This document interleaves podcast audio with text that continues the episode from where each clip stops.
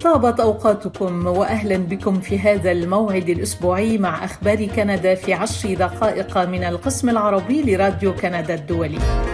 تقدم لكم حلقة اليوم من بودكاست كولات درغام منصف. عناوين الأخبار الأهالي في حالة صدمة غداة مقتل طفلين في اقتحام حافلة لدار حضانة في كيبيك. شركة اتصالات في ساسكاتشوان تلغي رسوم المكالمات والرسائل إلى سوريا وتركيا. وتعيين كندي أسود لأول مرة قاضيا في محكمة كيبيك العليا. تفاصيل الأخبار.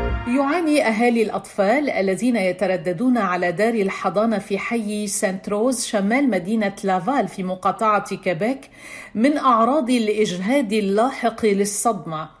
إثر هجوم بحافلة على هذه الدار وقع يوم الأربعاء من هذا الأسبوع ما أدى إلى مقتل طفلين.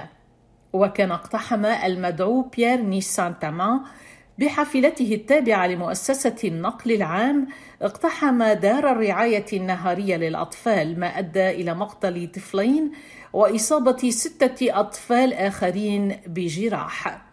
ونقل الجرحى إلى مستشفيات في لافال وموريال للمعالجة ولكن لا يخشى على صحتهم الجسدية. تعبر كريستين صيقلي وهي أم لطفلتين ترتدان دار الحضانة عن الصدمة الشديدة التي أصيبت بها بعد وقوع الحادثة. وتعتبر هذه الأم نفسها محظوظة لأن الطفلتين قد كتبت لهما النجاة من الموت مرتعبة من فكرة أنه كان من الممكن أن تخسر ابنتيها في هذه الحادثة الأليمة. الفتيات بخير تقول المتحدثة وأعتقد أن الأمر يتعلق أكثر بالوالدين. لقد بدأت تداعيات الصدمة في الظهور أشعر بصداع شديد ولا أستطيع تركيب أفكاري. أما بالنسبة إلى زوجي تردف المتحدثة فهو أصيب برشفة في جسمه. استمرت لعدة ساعات بعد وقوع الحادثة. تشير المتحدثة إلى أن الأطفال الذين نجوا هم بأمان الآن لكنها تفكر في المربين وفي المشاهد المروعة التي عاشوها. تفكر في الآباء الذين فقدوا أطفالهم وفي الآباء الذين لديهم أطفال في المستشفى. هذا وتجد المتحدثه أنه من المستحيل الا تكون الحادثة متعمدة. وتسرد صيقلي شريط الأحداث التي وقعت يوم الأربعاء تم نقل الأطفال بعد وقوع الهجوم إلى مدرسة قريبة حيث لعبوا في صالة الألعاب الرياضية. وبينما اتصلت السلطات ببعض الآباء خلال الصباح لم يتلقى آخرون مكالمة بالسرعة التي كانوا يرغبون فيها. وترى المتحدثه بأن السلطات فعلت ما في وسعها في خضم الظروف الاستثنائية. تجمع أولياء الأمور في المدرسة التي تم النقل الأطفال إليها فيما بعد ولكن من دون إمكانية اصطحاب أطفالهم على الفور. هذا وأظهر أهالي الأطفال التضامن فيما بينهم وتبادلوا المعلومات التي حصل عليها كل واحد منهم. تروي كريستين صيقلي قائله حوالي الساعة الحادية عشرة صباحا. جاء شرطي أو رجل إطفاء لا أعلم تماما من هو. قام بتسمية خمسة أطفال قائلا إذا لم يكن اسم طفلك مدرجا في القائمة فإن طفلك بخير. عندها فقط عرفنا بأن الطفلتين بخير وقد كتبت لهما النجاة. بعد فترة وجيزة تمكنت هذه الأم من لم شملها مع طفلتيها وكانت أول من عاد إلى المنزل. عندما حملت ابنتها البالغة من العمر ثلاث سنوات بين ذراعيها إثر وقوع الحادثة حاولت السيدة صيقة للتعامل مع الأحداث بلطف تشرح هذه الأم بأنها حاولت أن تجعل الأمور إيجابية قدر الإمكان. سألت طفلتها الصغيرة كيف سار نهارها كما تفعل عادة. تؤكد المتحدثة بأن الطفلة البالغة ثلاث سنوات ونصف تستطيع نقل الوقائع تروي لأمها بأن هناك حافلة اقتحمت مدرستها.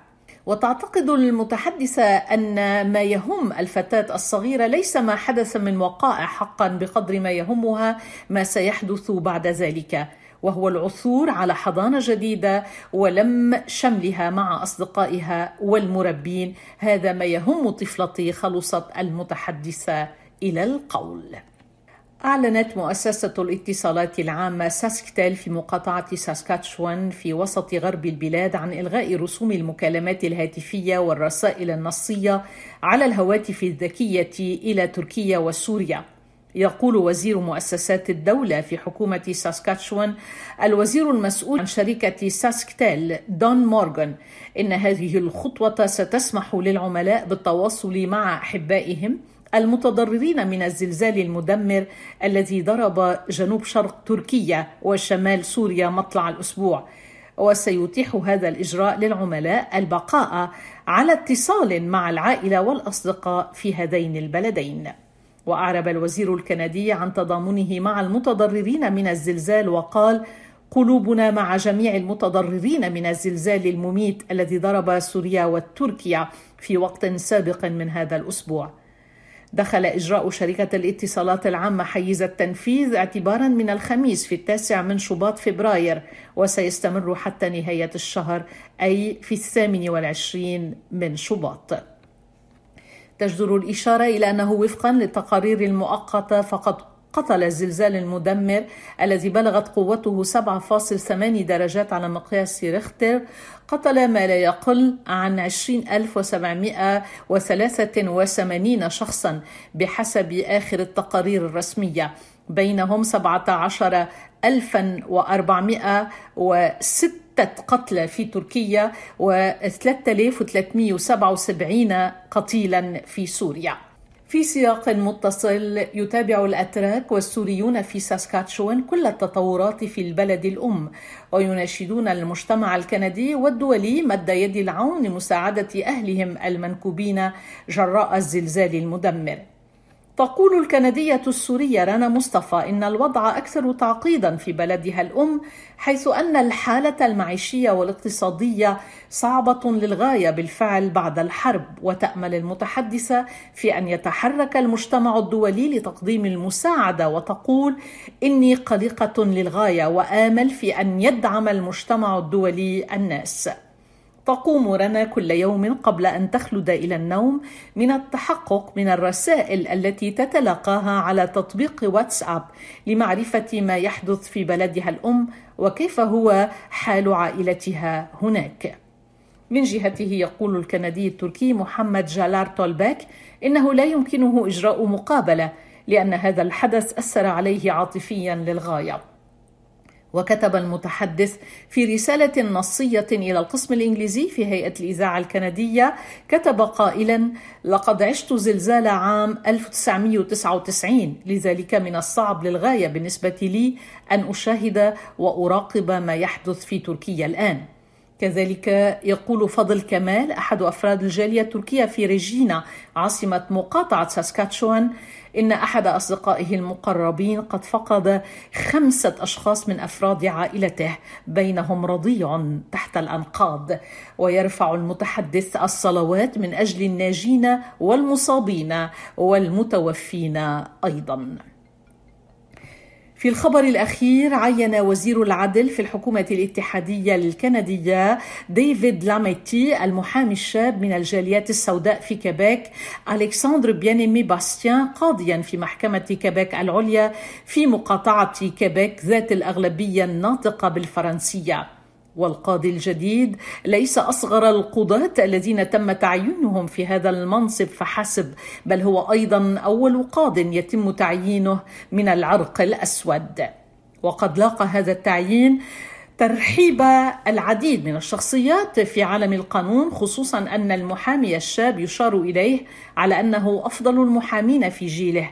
كما نقلت المتحدثة باسم وزير العدل الكندي ديانا عبادي بأن الوزير مقتنع بأن المحامي باستيان الذي وصف بأنه موهبة الأجيال سيخدم سكان كيبيك جيدا في دوره الجديد.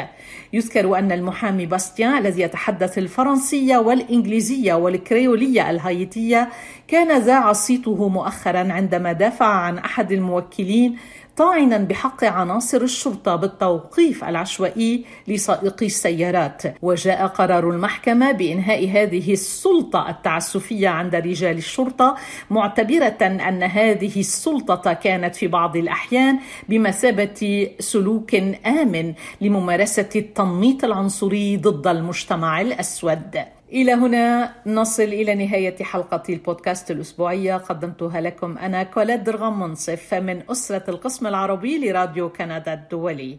شكرا لحسن المتابعة وإلى اللقاء الأسبوع المقبل.